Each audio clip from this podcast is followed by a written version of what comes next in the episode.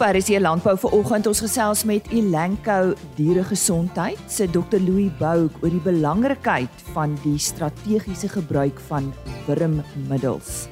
Dan het die rooi vleis abattoir vereniging op 5 en 6 Mei hul 29ste kongres en konferensie aangebied. Dr Kabos Lerish vertel ons wat daar gebeur het en deel ook hul visie vir 2030. En aangesien landbou as 'n werkskepende bedryf gesien word, is die vraag: waarom word daar nie meer gedoen om dit te bewerkstellig nie? Dis die woorde van Andrius Wiese van Hallaard en ons hoor verder wat hy daaroor te sê gehad het.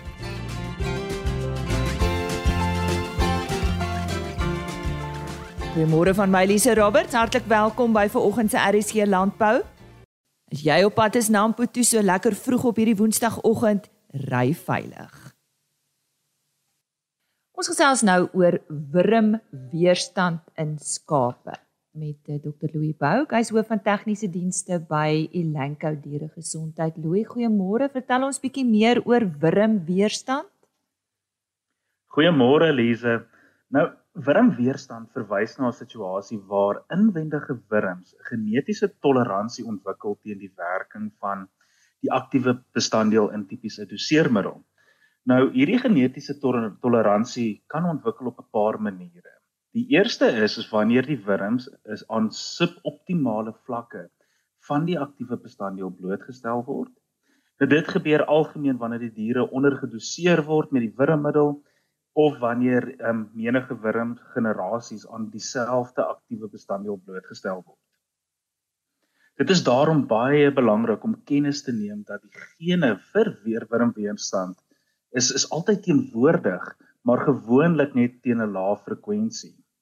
Nou met die onoordeelkundige gebruik um, van wurmmiddels het dit oor die jare 'n merkwaardige probleem geword en veral onder haarwurm in skape en bokke. Lou, jy het nou net verwys na haarwurm in skape en bokke. Hoekom is hulle spesifiek so weerstandig? Nou, nou eerstens haarwurm, soos ek sê, dis 'n inwendige wurm wat beide in skape en bokke voorkom en dit lei tot groot um, ekonomiese verliese wêreldwyd.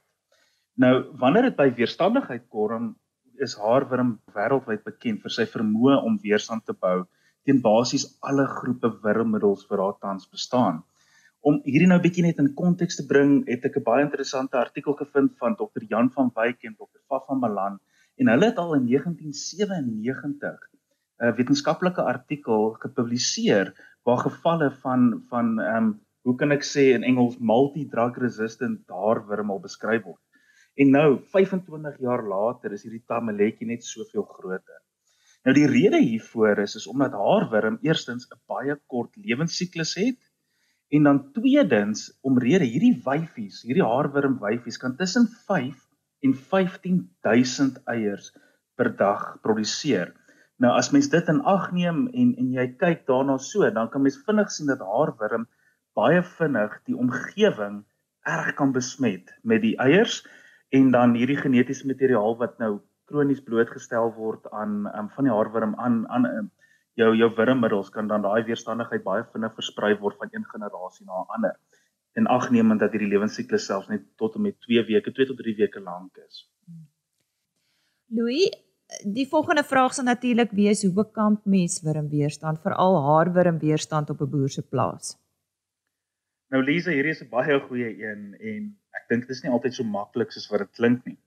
Maar ek dink die eerste belangrike ding is waar mens tot 'n mate kyk is na voorkoming en dit is eerstens moet 'n boer nie wag tot weerstand 'n sigbare probleem is voordat jy jou benadering tot ontwurmings verander nie. En die ding is want hoe langer jy wag en hoe langer weerstand ongekontroleerd voortgaan, hoe hoe groter en hoe meer veerkragtig word die weerstandige wurmpopulasie. En as dit eers gevestig is, kan weerstand teen wurm um, teen ontwurmers nie omgekeer word nie. Nou wat baie belangrik is is om jou hele uitkyk oor inwendige parasiete beheer te verander. 'n Boer moet sterk oorweeg om strategiese benadering tot ontwurming te behartig en so 'n skuif te maak waar mense in plaas van om al die diere op een slag die heeltyd net te behandel, as jy sien nou maar een sien, soos hulle in Engels praat van 'n blanket treatment, te beweeg na 'n program waar jy net die diere behandel wat dit nodig het. Nou dit kan baie suksesvol gedoen word deur 'n program te gebruik soos Famacha Famisha is wêreldbekend en dit is in Suid-Afrika ook ontwikkel en jy kan saam met jou veearts werk om die, om 'n program uit te werk veral as dit kom by die aktiewe bestanddele. Want die program sal gebaseer wees eerstens op jou plaas, watse aktiewe middels of aktiewe middels klaar op die plaas gebruik word en hoe die potensiële weerstandsprofiel op die plaas lyk. Nou die volgende stap wat baie belangrik is is om nuwe diere wat jy aankoop te kwarantyne op jou plaas en met 'n strategiese middel te behandel wat bekend is om nie baie wurmweerstand te hê nie. Dit is 'n aktief soos Monopatel wat baie belangrik net daar is en ek dit ek vra eintlik asseblief is dat daai molekules moet beskerm word. So dit is nie 'n produk wat jy sommer net gebruik om elke dag jou diere te ontwurm nie. En dan laastens moet mens nooit diere ontwurm en dan dadelik na 'n ander kant toe skuif nie. Want wat gebeur is is dat al die vatbare wurms word dadelik doodgemaak en as jy die dier dadelik skuif, dan besmet jy daai weiding met net weerstandige wurms wat oorbly in die nuwe kamp. So daarom is dit belangrik as jy nou gaan ontwurm, weet jy ontwurm laat hulle 'n paar dae loop en goed en dat hulle geherinfekteer word met die sensitiewe wurms en dan skuif jy hulle. Want dit is anders en dit is maar hoe dit redelik baie maklik kan kan oorskuif en hier is maar 'n paar punte wat ons op kan kom sit. Maar die groot ding ook is werk saam met jou veearts werk 'n strategiese plan uit vir jou vir 'n ontwurming van jou van jou diere op die plaas. En dan laastens ook net gekoppel daaraan is weet jy wat hierdie wurmtaksies of bosluis taksies wat mense so kry die diere wat daar tipies in die agterkant loop raak ontslaaf van jou diere wat so is want dan kan jy genetiese toleransie begin opbou in jou kudde Ja, baie goeie raad. Van Dr. Louis Bouk, hy's hoof van tegniese dienste by Elanco Dieregesondheid. Louis, as iemand graag met julle wil gesels of meer inligting nodig het, uh, is dit die beste is maar om julle te skakel of 'n webtuiste te gebruik? Ja, ek dink die beste skakel is op 0861 352 626 en dan antwoord ons enige vrae. Soos ek gesê het, so sê Dr. Louis Bouk en net weer daardie telefoonnommer 0861 0891104626 en hulle webtuiste www.elanco.com. As jy nou hier by ons aangesluit het, baie welkom. Jy's ingeskakel vir RSG Landbou. Dis net hier op RSG vanaf 5uur tot 6:30 van my kant af, Maandag tot Donderdag.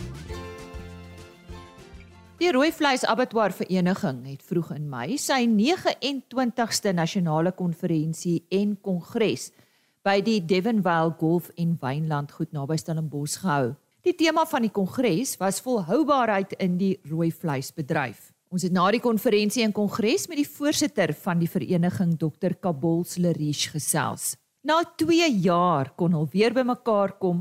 Hulle het 'n vol en aktuele program gehad. Kom ons luister wat hy hieroor te sê gehad het. So dit was baie opwindend om weer al die ou gesigte te sien, al die besigheidsvennote, uh ons lede abattoir eienaars uh dit was werklik uh baie baie aangenaam. Ons het uitstekende opkomste gehad uh tot so 'n mate dat ons nie regtig almal kon akkommodeer nie.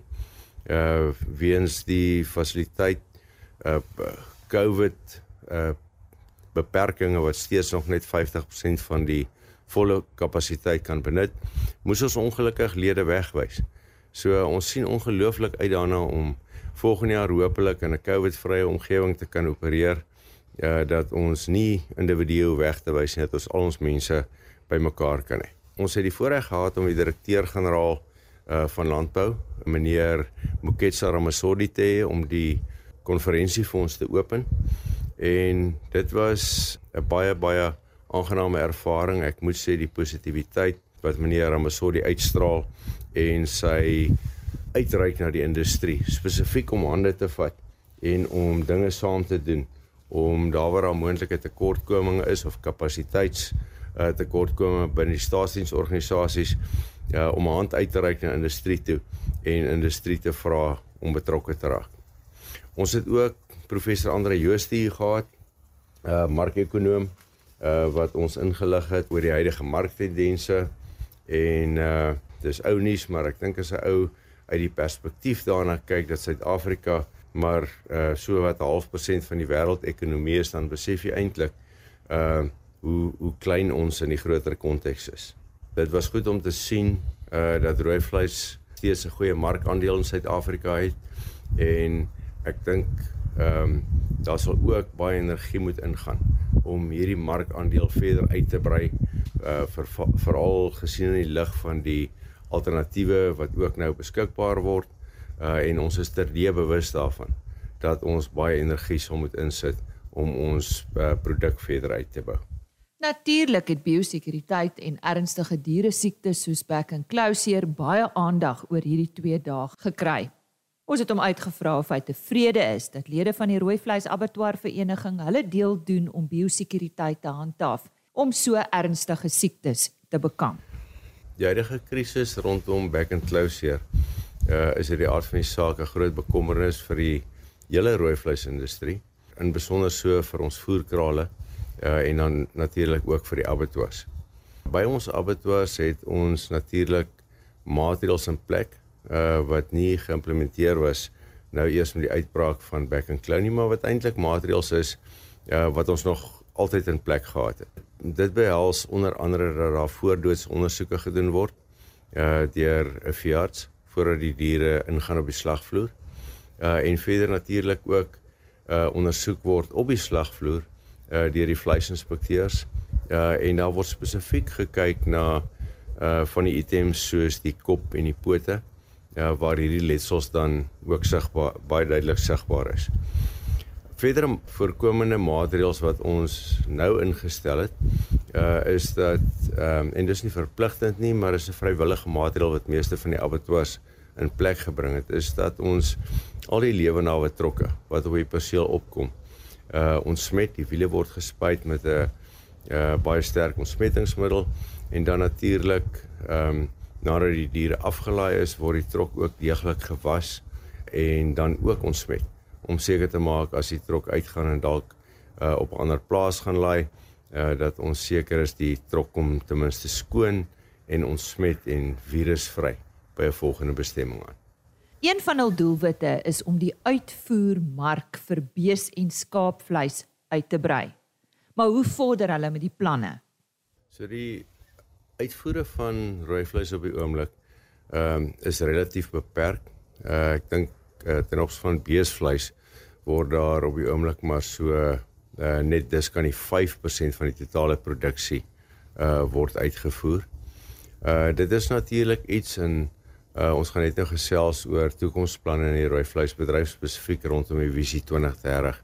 Maar dit is natuurlik iets wat ons baie graag sal wil versterk en verder uitbrei. Uh die markte op die oomblik is uh is ook maar uh, tot 'n redelike mate beperk in die oomblik. Uh uit die afsinsaak voer ons 'n klein bietjie uit na die naburige Afrika lande en dan gaan die grootste gedeelte van die uitvoere is maar bestem uh vir die Midde-Ooste en dan natuurlik ook uh sedert uh so 'n paar jaar gelede die Verre Ooste spesifiek China.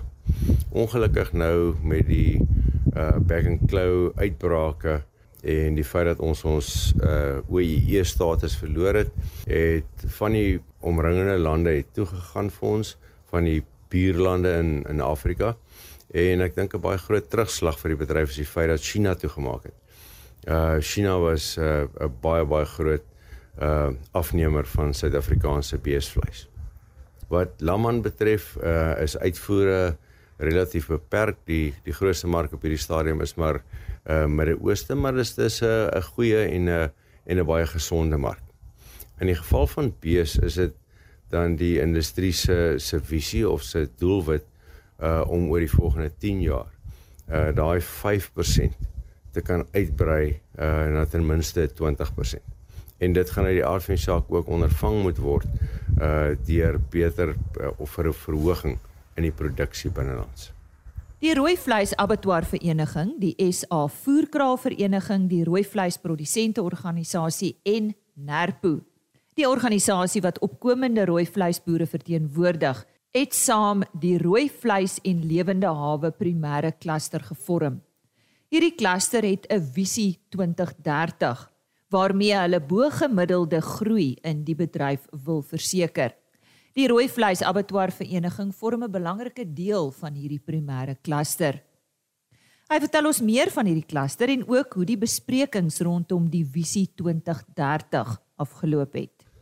Uh tradisioneel uh was beide die die rooi vleis abattoir vereniging, uh die Suid-Afrikaanse voerkraal vereniging, uh die ehm uh, rooi vleis produsente organisasie RPO en dan ook Nerpo wat die opkomende boere is. Daai vier instansies uh was tradisioneel lid van die uh rooi vleis industrie forum en is nog steeds.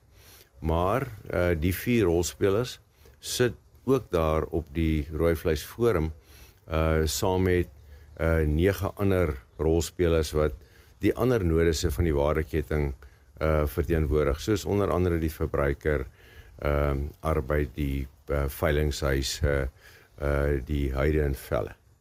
En ehm um, redelik onlangs het die uh gevoel ontstaan dat uh die die vier rolspelers waarna ek eers verwys het. Ehm um, voel daar is spesifieke aangeleenthede binne rooi vleis wat ons graag sal wil aanspreek uh wat baie groot voordele vir die bedryf kan inhou indien ons dit suksesvol kan uitrol. Die groep het toe bymekaar gekom en het besluit op wat ons noem die visie 2030. Uh ons het baie wyd gekonsulteer en ons het ook 'n professionele maatskappy BFAP aangestel om vir ons baie deeglike navorsing te doen van hoe die huidige waardeketting lyk en wat ons dan ook anders kan doen om uh om bo-gemiddelde groei in ons eie industrie te verkry. En daar sekere pilare waarop hierdie besigheidsmodel uh berus. En indien ons dit al suksesvol kan uitrol, voorsien ons dat ons die industrie kan groei binne die volgende 7 tot 10 jaar met 'n addisionele 8.3 miljard rand per jaar. Die vier pilare wat ons gaan moet aanspreek uh om hierdie groei tot gevolg te hê, uh is in die eerste plek natuurlik die nasionale dieregesondheidstatus uh en dan die naspeurbaarheid wat saam met dit gaan. Uh in die tweede plek inklusiewe groei. Uh 'n baie groot gedeelte van ons beeskudde, uh ongeveer die helfte van ons nasionale beeskudde uh is loop op die die plase van uh opkomende rooi vleisprodusente. En ehm um, daar gaan redelik baie energie ingaan om beide kommersiële en opkomende boere te assisteer om met beter produksiemetodes dan ook die die hoeveelheid vleis wat per hektaar verbou word uh aansienlik te verhoog. En dan in die derde plek ehm um, is daar hierdie uh spesifieke fokus, ekskuus ek het dit eintlik al sê, die spesifieke fokus op die uh produksiemetodes, maar met die klem dan op die inklusiewe groei. En dan die vierde been van die model gaan oor die ontwikkeling van verdere markte. Uh soos ons vroeër ook uh, verwys het, is die mark, die uitvoermarkte vir rooi vleis uh relatief beperk. En gaan daar 'n groot klomp energie moet ingaan uh om verdere markte uh vir die rooi vleis te ontwikkel. As ons sê ons wil 20% van 'n verhoogde produksie wil ons uitvoer, dan is dit aansienlik meer uh dis 4 5 maal meer as wat ons heidaglik uitvoer en sal ons ander markte moet ontgin om dan hierdie pro pro produk af te neem. Verbruikersvertroue in Suid-Afrikaanse rooi vleis is belangrik om die bedryf se markandeel in die plaaslike en ook die uitvoermark te behou en te laat groei. Is hy tevrede met dit wat hulle in plek het om die beeld van veilige vleis by verbruikers te verseker? En natuurlik twee van die ehm um, baie belangrike kriteria om suksesvol te kan uitvoer en verbruikersvertroue in die buiteland uh, te kan te kan wen.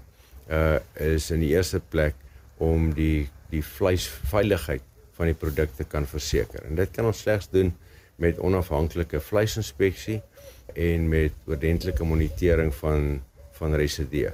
Beide die uh projekte is al vir 'n geruime tyd aan die gang in die vleisbedryf.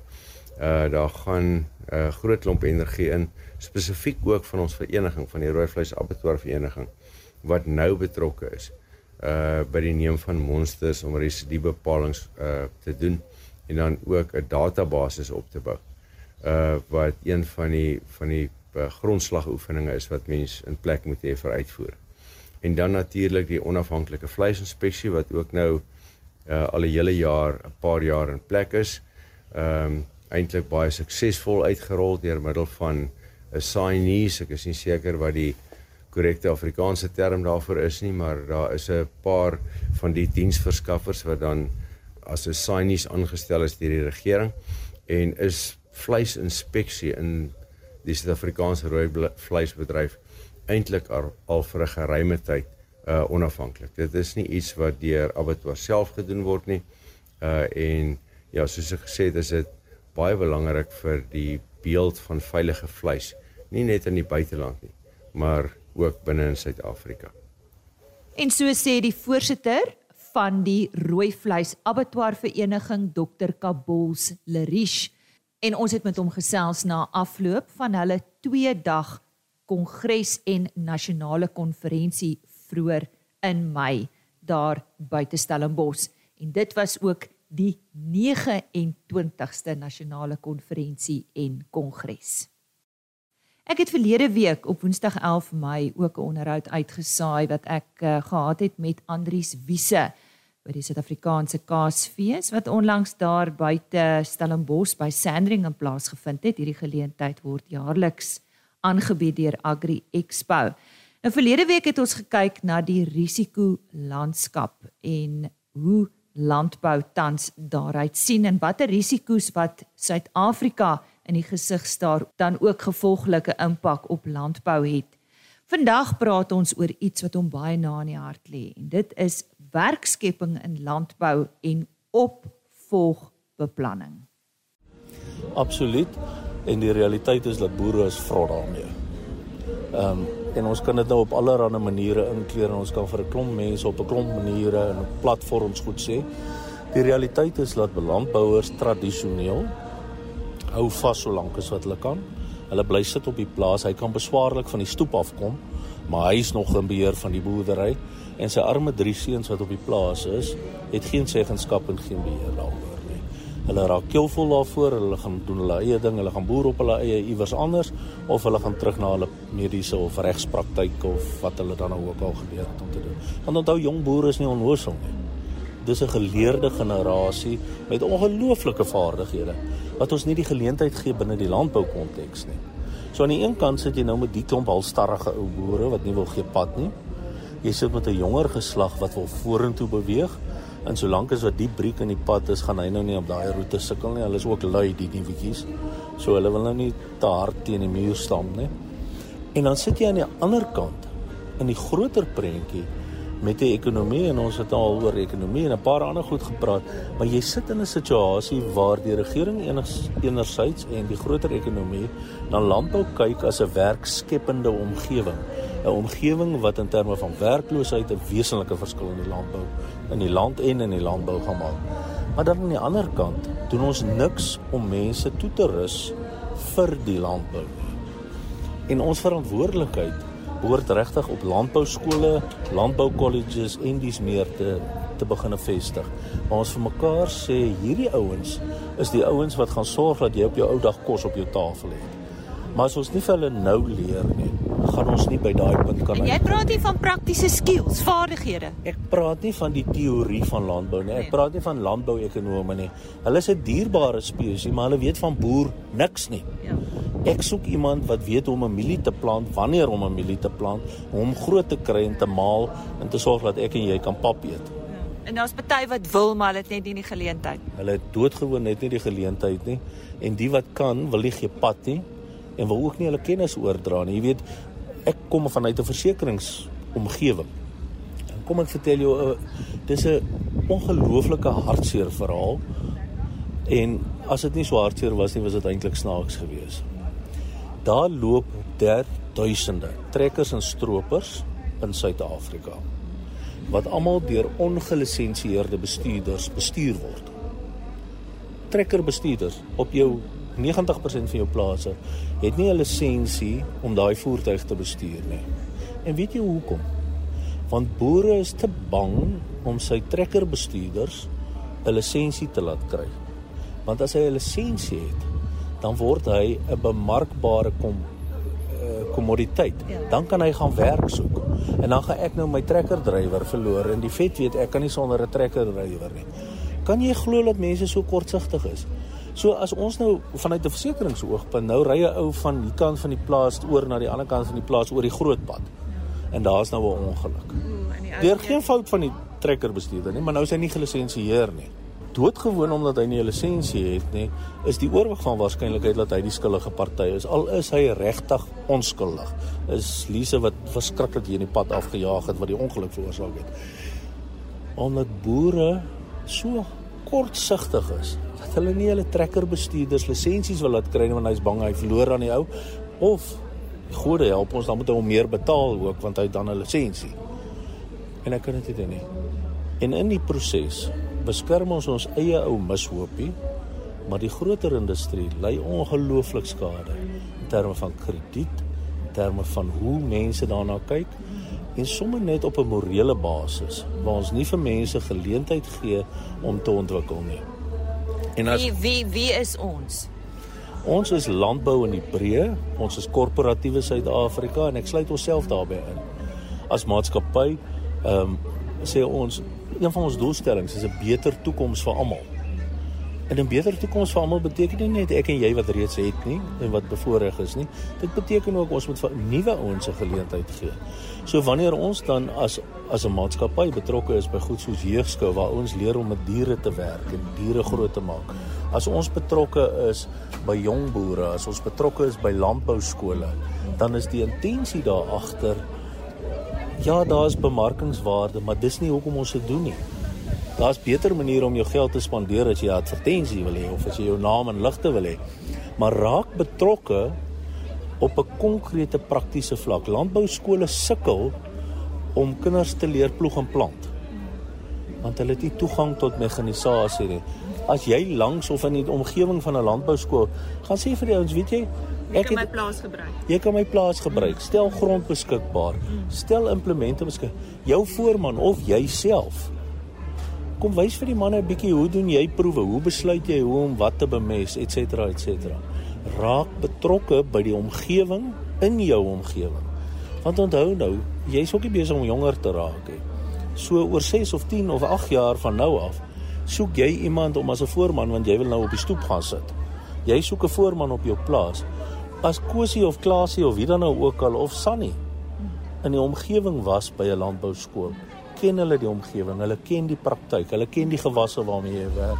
Hulle is beskikbaar en dis vir hulle wonderlik want hulle kan nog by ma en pa bly en op jou plaas kom woon. Raak betrokke. Dis nie kernfisika hierdie nie. Ons verwag nie jy moet die hele kroonjuwele weggee nie. Al wat ons net vra is ouens, gebruik landbou ter wille van landbou, maar ter wille van 'n groter prentjie.